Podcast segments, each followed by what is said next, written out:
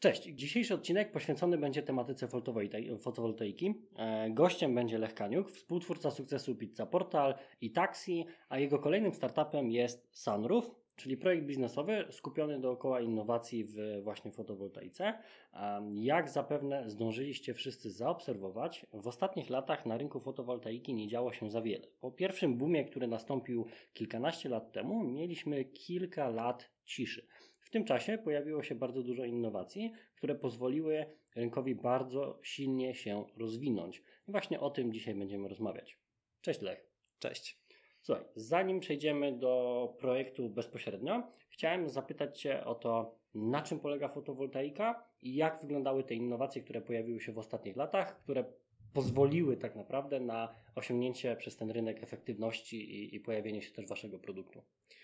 Yy, no więc fotowoltaika w sumie to technologia jest e, dosyć stara, bo to już e, dawno e, jest na, na, na rynku i jest rozwijana długo. To z czym nam się to kojarzy, to są farmy fotowoltaiczne, czyli na polach stojące panele, albo takie panele, które ludzie kupują i montują na dachu. I w takim dużym skrócie to ta taka naj, najbardziej powszechna technologia to, to są ogniwa fotowoltaiczne z, z krzemu, które wtedy, kiedy mm, e, dostają y, nasłonecznienie, to y, są w stanie, żeby ten, to słońce zamienić na prąd. I, I na tym polega cała technologia, czyli mamy, można powiedzieć, materiał, który przemienia właśnie słońce na prąd i ten prąd możemy wykorzystywać na coś w naszym e, budynku. W przypadkach farmach fotowol- fotowoltaicznych no to jest tak naprawdę taka farma, która produkuje bardzo dużo prądu i jest to e, taką swoją elektrownią. No, więc, więc to, to jest w takim y, y, no, dużym, dużym uproszczeniu. Jasne, a jak w ostatnich latach zmieniała się ta technologia? Bo zakładam, że teoretyczne podstawy są w dalszym ciągu takie same, natomiast y, co sprawiło, że poprawiła się efektywność? Czy lepsze materiały, czy zmieniła się w ogóle sama logika, czy, czy, czy na przykład przetworniki i przechowywanie tej energii się poprawiło? Y, tak, no jeśli chodzi o, mm, o samą technologię, to są dwie rzeczy, które, które poprawiły bardzo, można powiedzieć, opłacalność inwestycji w fotowoltaiki. I ona rzeczywiście w ostatnich latach już osiągnęła taką opłacalność finansową, że, że to widzimy, że teraz zaczyna to być bardzo, bardzo silnie adoptowane na, na rynku, e, bo wcześniej były rynki, które miały dużo e, instalacji fotowoltaicznych, ale one były mocno wspierane przez państwo, dlatego że to się jeszcze nie opłacało. I, i te dwa główne elementy, które robią, że to się opłaca, to jest, że proces produkcji, koszty są coraz niższe, ale też i efektywność tych paneli cały czas rośnie. I on rośnie w, w, w różne sposoby i, i trochę lepsze wykorzystywanie materiału, ale też konstrukcja samych paneli.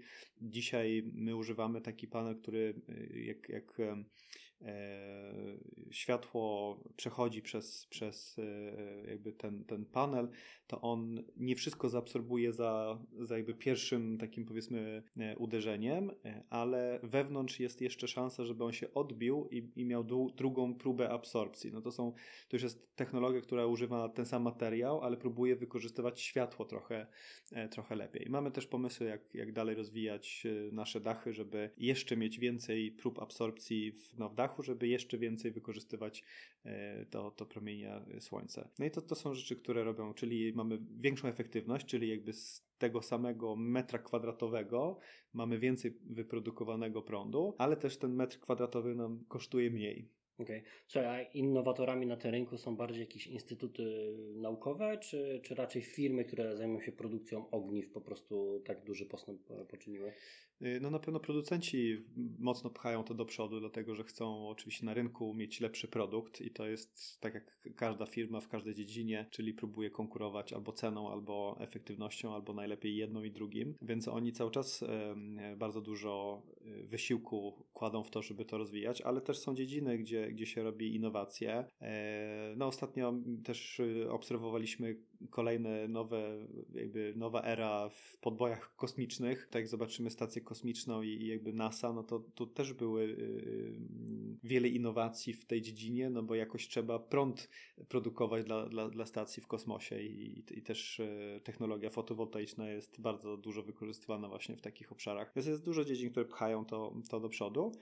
No ale oczywiście też e, widzimy, że mm, e, różne inne branże, które też chcą wykorzystywać właśnie fotowoltaikę w różnych e, jakby swoich sferach, też się zastanawiam, jak to, jak to robić. Ale tu Chiny są największym producentem i oni najbardziej rozwinęli, moim zdaniem, ten najbardziej powszechny produkt. Okej. Okay. A czy to jest tak, że Chiny produkują i eksportują, czy też energia jakby fotowoltaiczna stanowi duży procent udziału u nich też? Znaczy Chiny generalnie nie kojarzą się z OZE, w ogóle nie kojarzą się z OZE, no więc pytanie, czy oni to produkują i eksportują na zachód, gdzie my w tym momencie mamy programy wspierane przez Unię Europejską, e, Stany też dużo inwestują w fotowoltaikę i w farmy, Um, czy jakby orientujesz się może, jak to wygląda w, w Chinach? Nie mam e, liczby tak e, nie, nie, nie, no tak, nie, nie, nie mam liczby, żeby, żeby tak powiedzieć e, od razu, jak to wygląda w Chinach, ile procent e, właśnie energii pochodzi ze, ze słońca w, w Chinach, ale na pewno Europa i tak jak wspominasz, Stany e, są tymi, którzy bardzo tutaj można powiedzieć, pchają i motywują do tego, żeby, żeby działo się w obszarze OZE, czyli odnawialne źródła energii. Żeby, żebyśmy dbali o, o, o, nasze środowisko. No ale z różnych względów to, to Chiny tutaj jednak bardzo dużo produkują i eksportują, więc to tak wygląda dzisiaj. Okej, okay.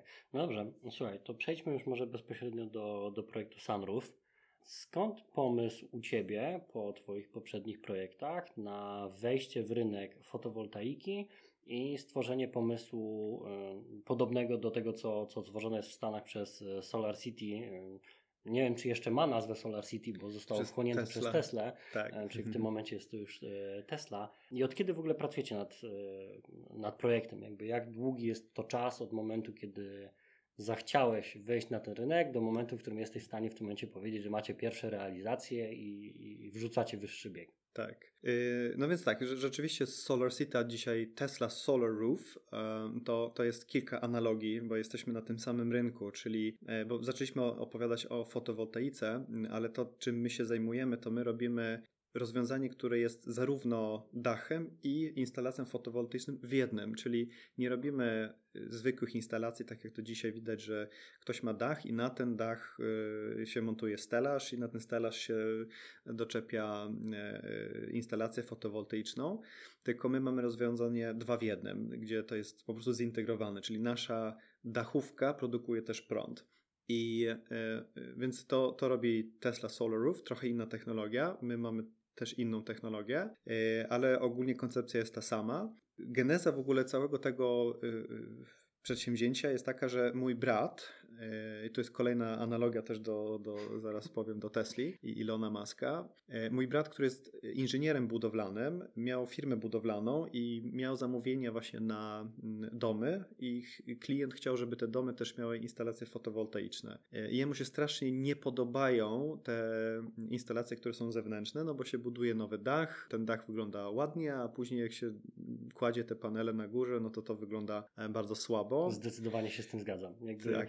Jak sobie pomyślę, że miałbym wydać grube pieniądze na zrobienie sobie ładnego dachu, a potem tak. przykryć go, tak. jest to trochę bolesne. I tutaj jeszcze e, można powiedzieć, to, to, to były początki, kiedy zaczął się na tym zastanawiać, to było 2011-2012 e, i wtedy też e, większość paneli fotowoltaicznych, które się montowała na dach, one były robione z tak zwanych polikrystalicznych, krzemowych ogniw fotowoltaicznych i one mają taką charakterystykę, że one są niebieskawe. Dzisiaj to, to, to się używa coraz więcej monokrystalicznych, które są czarne. To jest jakby najłatwiejszy sposób, żeby rozpoznać e, różnice pomiędzy tymi e, typami ogniw fotowoltaicznych i, i czarne trochę lepiej się komponują, ale te niebieskie to już w ogóle e, wyglądały strasznie, bo ktoś może nie wiem, zamontował sobie dach ceglany, czerwony i tu na to jakiś niebieski dach i to niekoniecznie musiało się komponować. To jest jakby jedna rzecz. Druga rzecz to jest taka, że no najpierw budujemy ten dach, a później na to robimy kolejną konstrukcję, to dociąża dach. E, jeszcze w Szwecji dużo pada śniegu, więc to jeszcze bardziej tam do, do, dociąża, plus wydłuża proces budowy i zwiększa koszty. Więc mój brat się zaczął zastanawiać, czemu nie zrobić dwa w jednym. Jak już i tak się buduje ten dach, czemu ten dach nie mógłby być właśnie tym, tym też e, no, tą naszą prywatną farmą fotowoltaiczną. E, I, i to, to, była geneza i on zaczął właśnie się zastanawiać nad tym, jak to robić i, i wymyślił sposób e, razem też z inżynierem z Chalmers University, to wszystko w Szwecji, bo my też dorastaliśmy w Szwecji, mój brat cały czas mieszka w Szwecji. Ja przez Pizza Portal przyjechałem tu do Polski i e, miałem być tylko rok, ożeniłem się i zostałem, ale, ale ogólnie początki właśnie w Szwecji. E, e więc, e, więc spartnerował się z inżynierem z Chalmers University w, w Göteborgu i oni zaczęli produk- jakby testować i, i e, mieli koncepcję na to, jak zbudować właśnie taką dachówkę, gdzie dachówka składa się z, z, dwóch warstw szkła i pomiędzy tymi warstwami szkła są te fo ogniwa fotowoltaiczne. Konstrukcja bardzo podobna do zwykłych paneli fotowoltaicznych. I użycie tego jako dachówka, czyli zamiast tych ceramicznych małych y, dachówek, no to jest duża y, dachówka szklana, która ma te ogniwa fotowoltaiczne w środku. Z tym jak się buduje zintegrowane, to, y, to, to jest bardzo dużo różnych rzeczy, które powodują, że, że może to się nie udać. Bardzo dużo różnych rzeczy, które właśnie są, są naszym takim know-how i, i też ujęte w patencie, który jest złożony, e, bo o ile można może skopiować samą konstrukcję i ona też może będzie szczelna, jeśli ktoś jakby podpatrzy, to jest wiele elementów, które mogą spowodować, że ten dach nie będzie funkcjonował albo nie będzie produkował tyle prądu. Więc e, tam była też współpraca z instytucją RISE w Szwecji. No i po kilku latach, w 2013, Pierwszy dach powstał, który już był dachem na domu, który nie przecieka, produkuje prąd i, i funkcjonuje do dziś jako, jako dach e, sunroof e, zintegrowany. No i mój brat chciał, żebym ja, bo to był, jakby on miał swoją firmę budowlaną, ten jego e, też partner e, z tego uniwersytetu miał swoją firmę i, i nikt jak nie, nie miał jak się tym projektem zająć i, i, e, pytał się, czy nie mógłbym to się zaangażować. Wtedy jeszcze byłem w, w Pizza Portal, niedawno temu zrobiliśmy mieliśmy e, wyjście na giełdę w, w, w, Niemczech przez Delivery Hero. Później miałem właśnie epizod też z, z Itaxi, więc, więc jakby cały czas było tak, że ten projekt gdzieś tam sobie żył, tam cały czas udoskonalali produkt, budowali kolejne jakieś projekty tak przy okazji. E, i, i, to się powoli rozwijało, ale, ale nikt tym się tak za bardzo nie zajął. No i tak samo jak Elon Musk, który kuzyna firmy, bo to kuzyn jego założył Solar City, jak przejął, to tak samo można powiedzieć, że ja w 2017 e, zacząłem tym się bardziej interesować, patrząc też co się dzieje na świecie, czyli mm, e, wiele różnych takich gigatrendów, gdzie widzimy, że coraz więcej ludzi zaczyna być świadomi, co się dzieje z naszym klimatem, że trzeba coś rzeczywiście zrobić zrobić, że zmiany klimatyczne są e, coraz bardziej poważne. Widać coraz większą adopcję samochodów elektrycznych albo takich plug-in hybrids. Widać też, e, że ta technologia się robi coraz e, bardziej efektywna i coraz tańsza, więc plus jeszcze zwiększenie koszt prądu. Więc mamy bardzo, bardzo dużo różnych takich elementów, które robią, że naturalnie to się robi coraz bardziej interesujące. No i y, wszedłem do, do tej spółki y, i zacząłem inwestować i y, w 2018 roku można powiedzieć, że postanowiłem, że wchodzę to, to będzie następny tak zwany unicorn, który, który będziemy budować i że to ma bardzo duży sens i jest to przyjemny biznes, bo z każdą sprzedażą robimy coś dobrego dla, dla świata i zacząłem zbierać Y, nowy zespół do, do firmy, żeby rozwinąć to z lokalnej projektu, powiedzmy, pobocznym, hobbystycznym, do tego, żeby to rzeczywiście była duż, duża, e, duża firma, która e, zamiesza trochę na tym rynku. No i tak, tak to wygląda. My w 2019 roku wyszliśmy ze Szwecji do Polski. Już mamy pierwszy dach, już nawet mamy kilka dachów zrobionych w Polsce, ale ogłosiliśmy pierwszy dach. Jesteśmy na etapie też wczesnym bardzo, ale już w Norwegii, w Hiszpanii i w Niemczech. I myślę, że w ciągu następnych 12 miesięcy będzie nas w, w wielu krajach w Europie i może nawet też i poza. Mam nadzieję i życzę tego. Słuchaj, jakby opowiadasz, że współpracowaliście z inżynierem z Instytutu. E, czy mam rozumieć, że macie wewnętrzny dział R&D, który odpowiada za, za, za produkt, za innowacje, to też patentujecie? Tak, można powiedzieć. Dzisiaj bym powiedział, że mój brat, który jest inżynierem budowlanym, no to, to on jest y, taką główną częścią tego, tego R&D, ale y, tak jak w Szwecji nasza operacyjna spółka się nazywa Sunroof Sferia, czyli Sunroof Szwecja, to w Polsce nie nazwaliśmy to Sunroof Polska, tylko nazwaliśmy to Sunroof Technology e, i tutaj właśnie rozwijamy ten nasz R&D. Tu będzie dużo się działo, chcemy z poziomu Polski e, rozwijać ten produkt. Mamy już kilka różnych rzeczy, które chcemy rozwinąć, e, jeśli chodzi o, o ten produkt, ale też coś, co, co spowoduje, że my po sprzedaży będziemy chcieli być bardzo blisko i dbać o ten dach klientowi przez przynajmniej 20-30 lat po, po sprzedaży. Mhm. Słuchaj, domyślam się, że mieliście pewnie trudności z wyprodukowaniem produktu? Czy to jest tak, że posiadacie własne zaprojektowane linie produkcyjne, czy e, korzystacie na przykład z tradycyjnych, e, znaczy ciężko powiedzieć tradycyjnych maszyn do produkcji fotowoltaiki? E, no, fotowoltaikę to my byśmy nie byli w stanie, żeby ją produkować sami w, jakby w sensowny sposób, żeby ona była też jakościowo, cenowo tak dobra, jako jest dzisiaj. Więc to są podzespoły, które my zamawiamy, to są firmy, które są na tak zwanej liście Bloomberg Bloomberga, czyli taka lista najlepszych e, producentów fotowoltaiki, no, ale tam jest dużo więcej innych elementów i, i, i też mamy taki, e, mamy elementy też innego typu hardware'u, który się do, do, też dołącza do tego systemu, więc można powiedzieć, że mamy Część rzeczy są nasze, unikatowe. Mamy podwykonawców, którzy nam to produkują e, i mamy częściowo też własny assembly line, gdzie, gdzie część rzeczy składamy sami. Jasno. Wspomniałeś, że zaczęliście w Szwecji, jesteście teraz też w Polsce, zaczynacie realizację Niemcy, Hiszpania.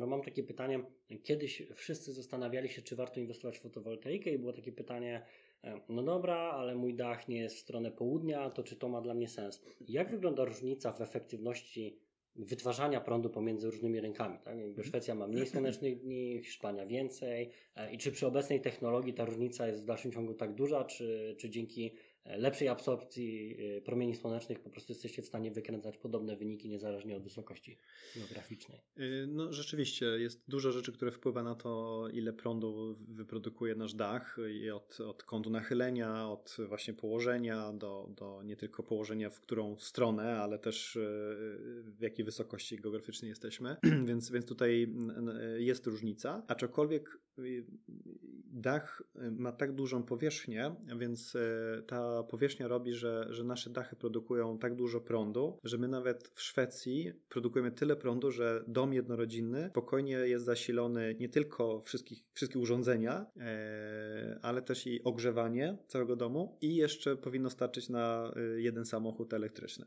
Więc, e, więc to, mm, bo taki dach przeciętny 150 metrów kwadratowych w takich się mierzy się wielkość instalacji, to jakbyśmy przetłumaczyli 150 m2 sunroof, to mówimy o instalacji, która jest powyżej 25 kW, czyli e, jak patrzymy w Polsce, to co to się ludzie kupują, no to żeby dostać dofinansowanie, to kupują do 5 kW.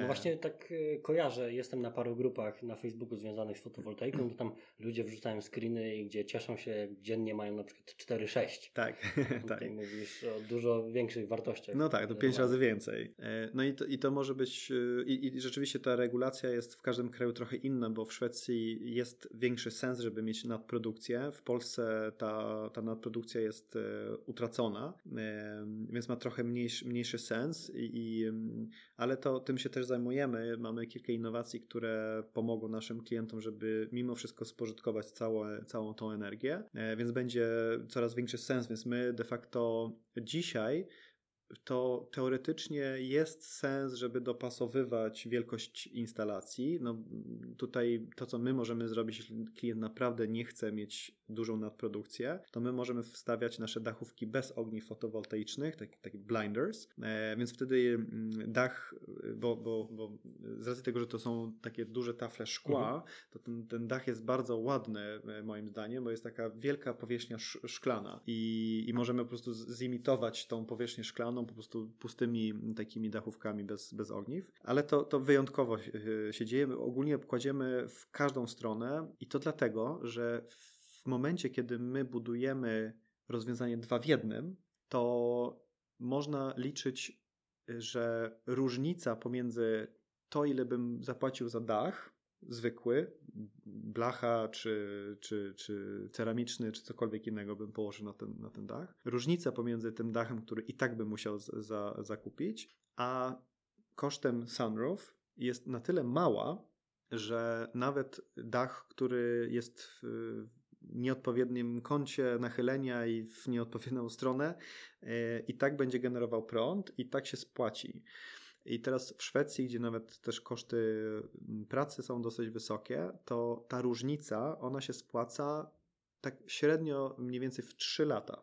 E, I 3 lata zwrotu, powiedzmy, z, e, z tutaj z, z, instalacji fotowoltaicznej, e, no to no jedna z lepszych jest... inwestycji, jakie można chyba zrobić, tak? 33% zwrotu rocznie to. No jest. Y, no, to, to, to nikt nie ma szans, który jakby buduje jeszcze zewnętrzną. W Polsce nasze dachy wychodzą taniej niż gdyby ktoś wybudował dach i na to nałożył taką, taką samą dużą e, instalację fotowoltaiczną. Więc, e, więc, e, więc to, to się po prostu bardziej opłaca.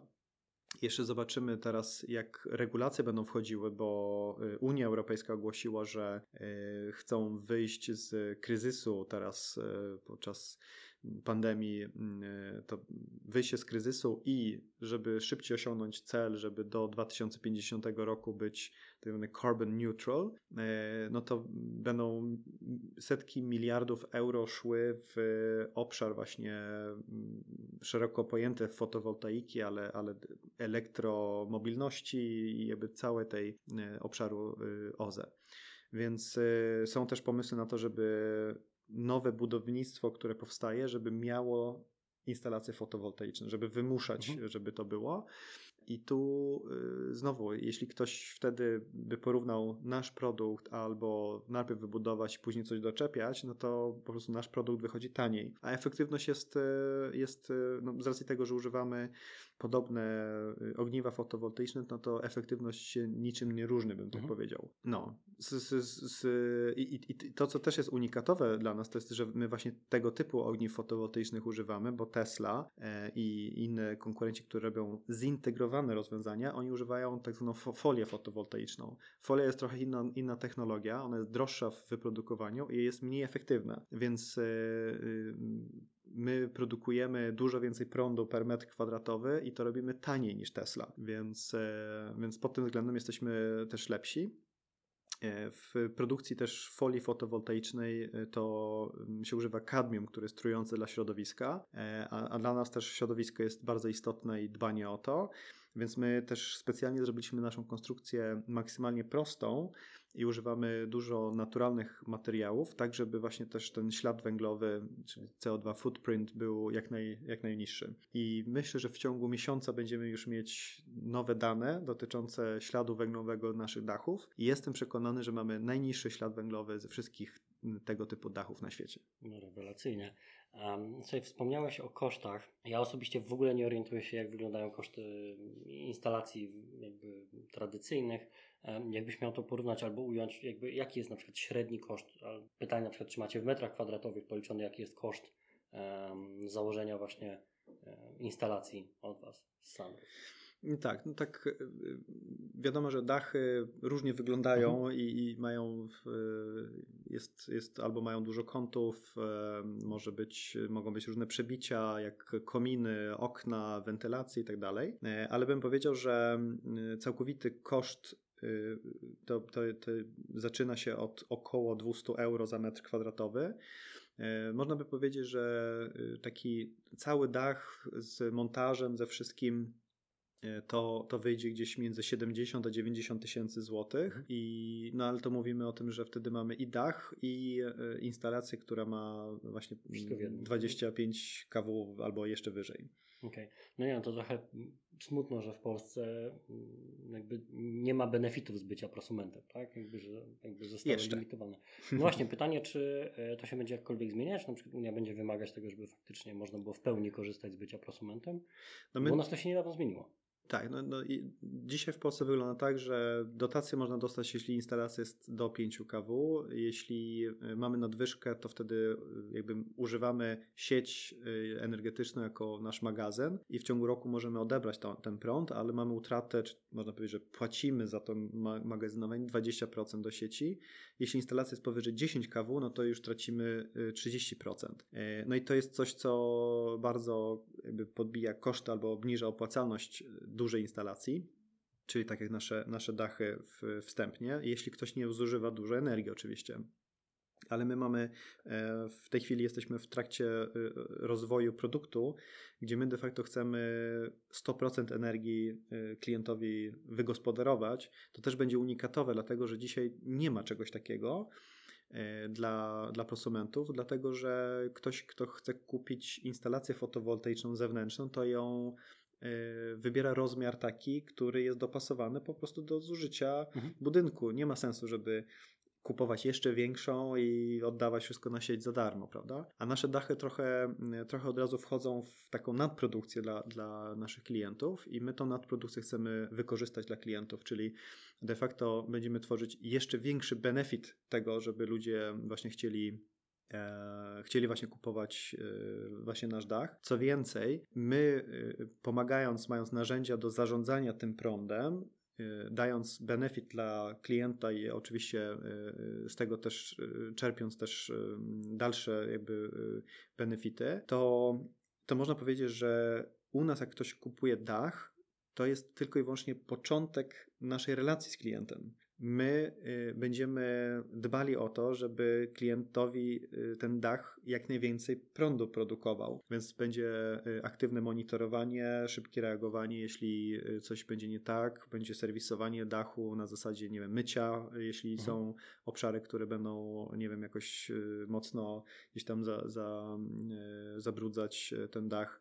Więc, a, a jeśli ktoś kupuje zwykłą instalację fotowoltaiczną od kogokolwiek, no to taka firma sprzedaje i za bardzo nie chce mieć reklamacji, albo, bo, bo to jest sprzedaż jednorazowa i, i, i później za bardzo nie ma benefitów, żeby dbać o, o, o ten dach na, na bieżąco. Więc to będzie też bardzo unikatowy produkt i, i będziemy się bardzo wyróżniać, jeśli chodzi właśnie o, o, o wszystkie tego typu instalacje, bo, bo tak jak mówię, to my będziemy chcieli, żeby ten dach produkował prąd przez następne 30 lat e, i to maksymalnie dużo.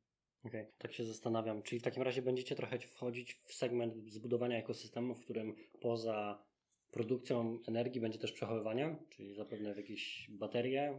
E, też wspominałeś o tym, że jesteście jakby, że jesteście w stanie zasilić nie tylko cały dom, ale też i e, pojazd elektryczny, mhm. więc zapewne trochę koncept też tych baterii i przechowywania energii jest e, możliwy. Tak, tak. Znaczy baterie to prawdopodobnie sami nie będziemy robić. To też w ogóle w Szwecji, skąd jesteśmy, to, to jest bardzo dużo innowacji dotyczące y, i pojazdów elektrycznych, i baterii, e, więc prawdopodobnie będzie to partnerstwo z którymś z tych firm, które robią mm, baterie, e, żeby tworzyć magazynowanie. Mhm. To dzisiaj jest technologia, która nadal jest mało pojemna, albo można powiedzieć, że y, dużo kosztuje y, za, za pojemność. To trochę tak jak twardy dysk na komputery, że kiedyś y, była, były drogie i miały małą pojemność, a, a dzisiaj no to 1 terabajt to, to nie kosztuje za dużo. E, I tak samo będzie z, z bateriami, bo, bo chociażby wszystkie pojazdy elektryczne będą rozwijały ten segment, więc ja spodziewam się, że my wybudujemy na północy Szwecji dom jednorodzinny, w którym cała rodzina będzie mieszkać i jeździć samochodami elektrycznymi, które w ogóle nie będzie podłączone do sieci. E, I to myślę, że to zrobimy w ciągu pięciu lat, wtedy kiedy właśnie też technologia baterii będzie, będzie istotna.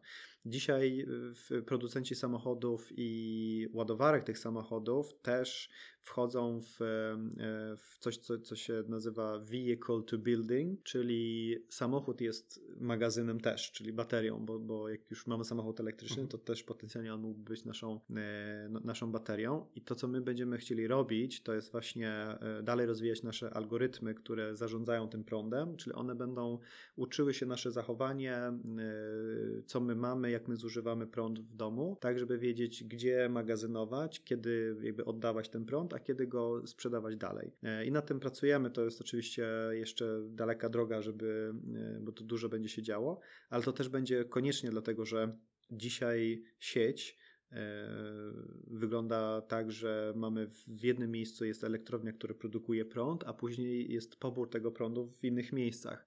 I żeby ta sieć jakby wytrzymała tego wszystkiego, to się balansuje. Mhm. I, I teraz jak powstają masa rozproszonych tak, tak naprawdę elektrowni na naszych dachach, czy, czy nasze dachy stają się elektrowniami, to zaczynamy mieć miejsca, które zaczynają też produkować prąd i, i, i to w, też w inny sposób. I, i to robi, że, że jeszcze bardziej trzeba będzie dbać o tą sieć i ją balansować, więc tego typu algorytmy też będziemy widzieć, jak, jak one będą się rozwijać. No i, i tu my też widzimy nasze pole do, e, do popisu. Okay, czyli tak naprawdę z punktu widzenia właściciela domu oszczędność może być przede wszystkim na zużyciu prądu, Drugie, jeżeli posiada samochód elektryczny, to na wszelkiego rodzaju ropie i benzynie, którą musiałby normalnie zakupić w tradycyjnym samochodzie, to jeszcze w dodatku wspominasz, że jest szansa jakby ogrzewać przez cały rok dom z tej energii. Jakby, czyli w takim razie poza produkcją śmieci i odpadów w domu likwidujemy całą zależność od mediów. Tak, tak. No dzisiaj, dzisiaj to wygląda no, tak. Doprowadzenie wody, ale to tak.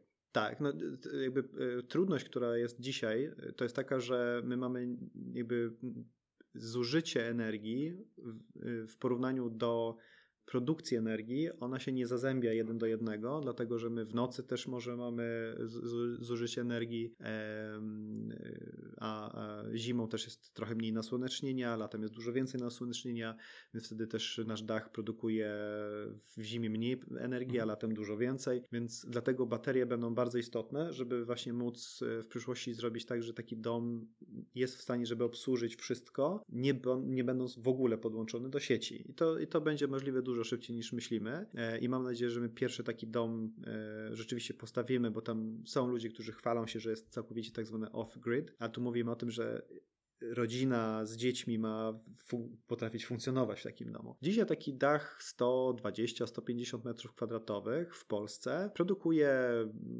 mniej więcej 15 tysięcy kilowatogodzin rocznie. To 15 tysięcy kilowatogodzin rocznie, żeby tak ująć w takim dużym uproszczeniu, jak zużycie mhm. wygląda w ciągu roku, to na ogrzewanie y, y, domu, to myślę, że jest potrzebne mniej więcej 4 do 5 tysięcy kWh, żeby zasilić wszystkie urządzenia, telewizor, pralka, światło i tak dalej, no to mamy 3, może 4 tysiące kWh więcej, czyli mówimy, że e, ogrzewanie plus wszystkie, wszystkie nasze no, rzeczy, to, to i tak jest około 9, może, może do, do, dobijemy do 10 tysięcy kilowatogodzin, a produkujemy 15. No e, samochód elektryczny też się kalkuluje taki Nissan Leaf, który jeździ normalnie przeciętna ilość kilometrów, to on będzie zużywał mniej więcej 3,5 tysiąca kilowatogodzin. Powiedzmy, że mamy Tesla, jeździmy bardzo agresywnie, dużo kilometrów, może też do, dobije do 5000 kilometrów, ale, ale powiedziałbym, taka, taka rodzina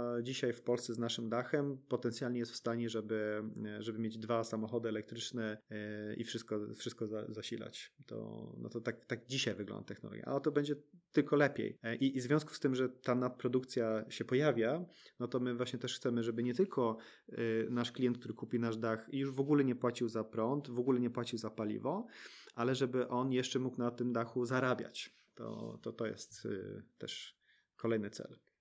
Nagrywamy w 2020 roku. Jeżeli ktoś słucha w przyszłości, to e, polecam sobie wygooglować sunroof poszukać, może już udało się stworzyć takie domy i może już gdzieś możecie poczytać o, o, o tej przyszłości, która planowana i, i wyobrażana była dzisiaj. Um, słuchaj, a na przykład myślisz, że jest szansa, żeby na przykład elewację zrobić w formie fotowoltaiki, że tam się kąt Tak. nie zgadza? Yy... My już robimy. O, już robicie, Tak. okej. tak, robimy elewację. Zresztą dzisiaj, teraz tak nagrywamy, siedzimy w Łodzi. E, może będzie na jednym takim fajnym, fajnej kamienicy, która jest biurem, może uda nam się w ciągu roku tam wybudować fasadę. To jest renowacja takiego. Y, My zrobiliśmy już w Göteborgu, też mamy fasadę zrobione na, na budynku wielomieszkaniowym, tam chyba jest 8 pięter i my cały budynek y, zrobiliśmy i fasady i, dach. I, I co ciekawe, zimą kąt nachylenia jest y, bardziej Lepszy korzystny, tak? E, A co więcej w, w Szwecji, gdzie jak spadnie śnieg i, i on leży, to on jeszcze odbija y, promienie słońca, więc y, my byliśmy zaskoczeni, y, że ta fasada produkowała więcej prądu niż się spodziewaliśmy, bo wstępne kalkulacje pokazywały trochę mniej prądu. Rzeczywiście kąt nachylenia jest, jest, e, jest słabszy, ale nasze fasady nie wychodzą y, wcale drożej niż y, zwykłe fasady, więc to jest y, też bardzo ciekawe, a są w stanie, żeby robić coś więcej niż tylko być fasadą, więc y, fasady też są ciekawe. Mm, y, W tej chwili mamy partnera w Singapurze, który prowadzi kilka rozmów, zobaczymy, czy coś się z tego zmaterializuje, ale Singapur na przykład jest e, e, krajem, który praktycznie nie ma, no, nie ma gdzie postawić farmę fotowoltaiczną, ale też by chciał mieć źródła odnawialne, ale buduje bardzo wysokie budynki i, i właśnie na takich wieżowcach byłaby idealna, duża powierzchnia na to, żeby właśnie produkować e, takie pionowe farmy fotowoltaiczne. No i tutaj mamy nadzieję, że, że może w ciągu dwóch, trzech lat uda nam się też może w Singapurze być w projekcie jakimś wieżowcu. A, a kto wie, może nie w Singapurze, może szybciej zrobimy to w, gdzieś w Europie. Kto wie, może nawet w Polsce. No, no, bardzo dużo się buduje, więc o ile pandemia nie wpłynie na to negatywnie, to myślę, że ktoś może się w tym temacie odezwać i, i, i zainteresować. Um, słuchaj, jakby jest to niesamowita wizja, wizja przyszłości i mam nadzieję, że właśnie tak za niedługo będą wyglądać nasze domy. E, ja chciałem ogromnie podziękować Ci za dzisiejszą rozmowę e, i mam nadzieję, że jeszcze nie raz usłyszę o Sunroof. Dziękuję bardzo za rozmowę i jestem przekonany, że jeszcze będzie o nas słychać.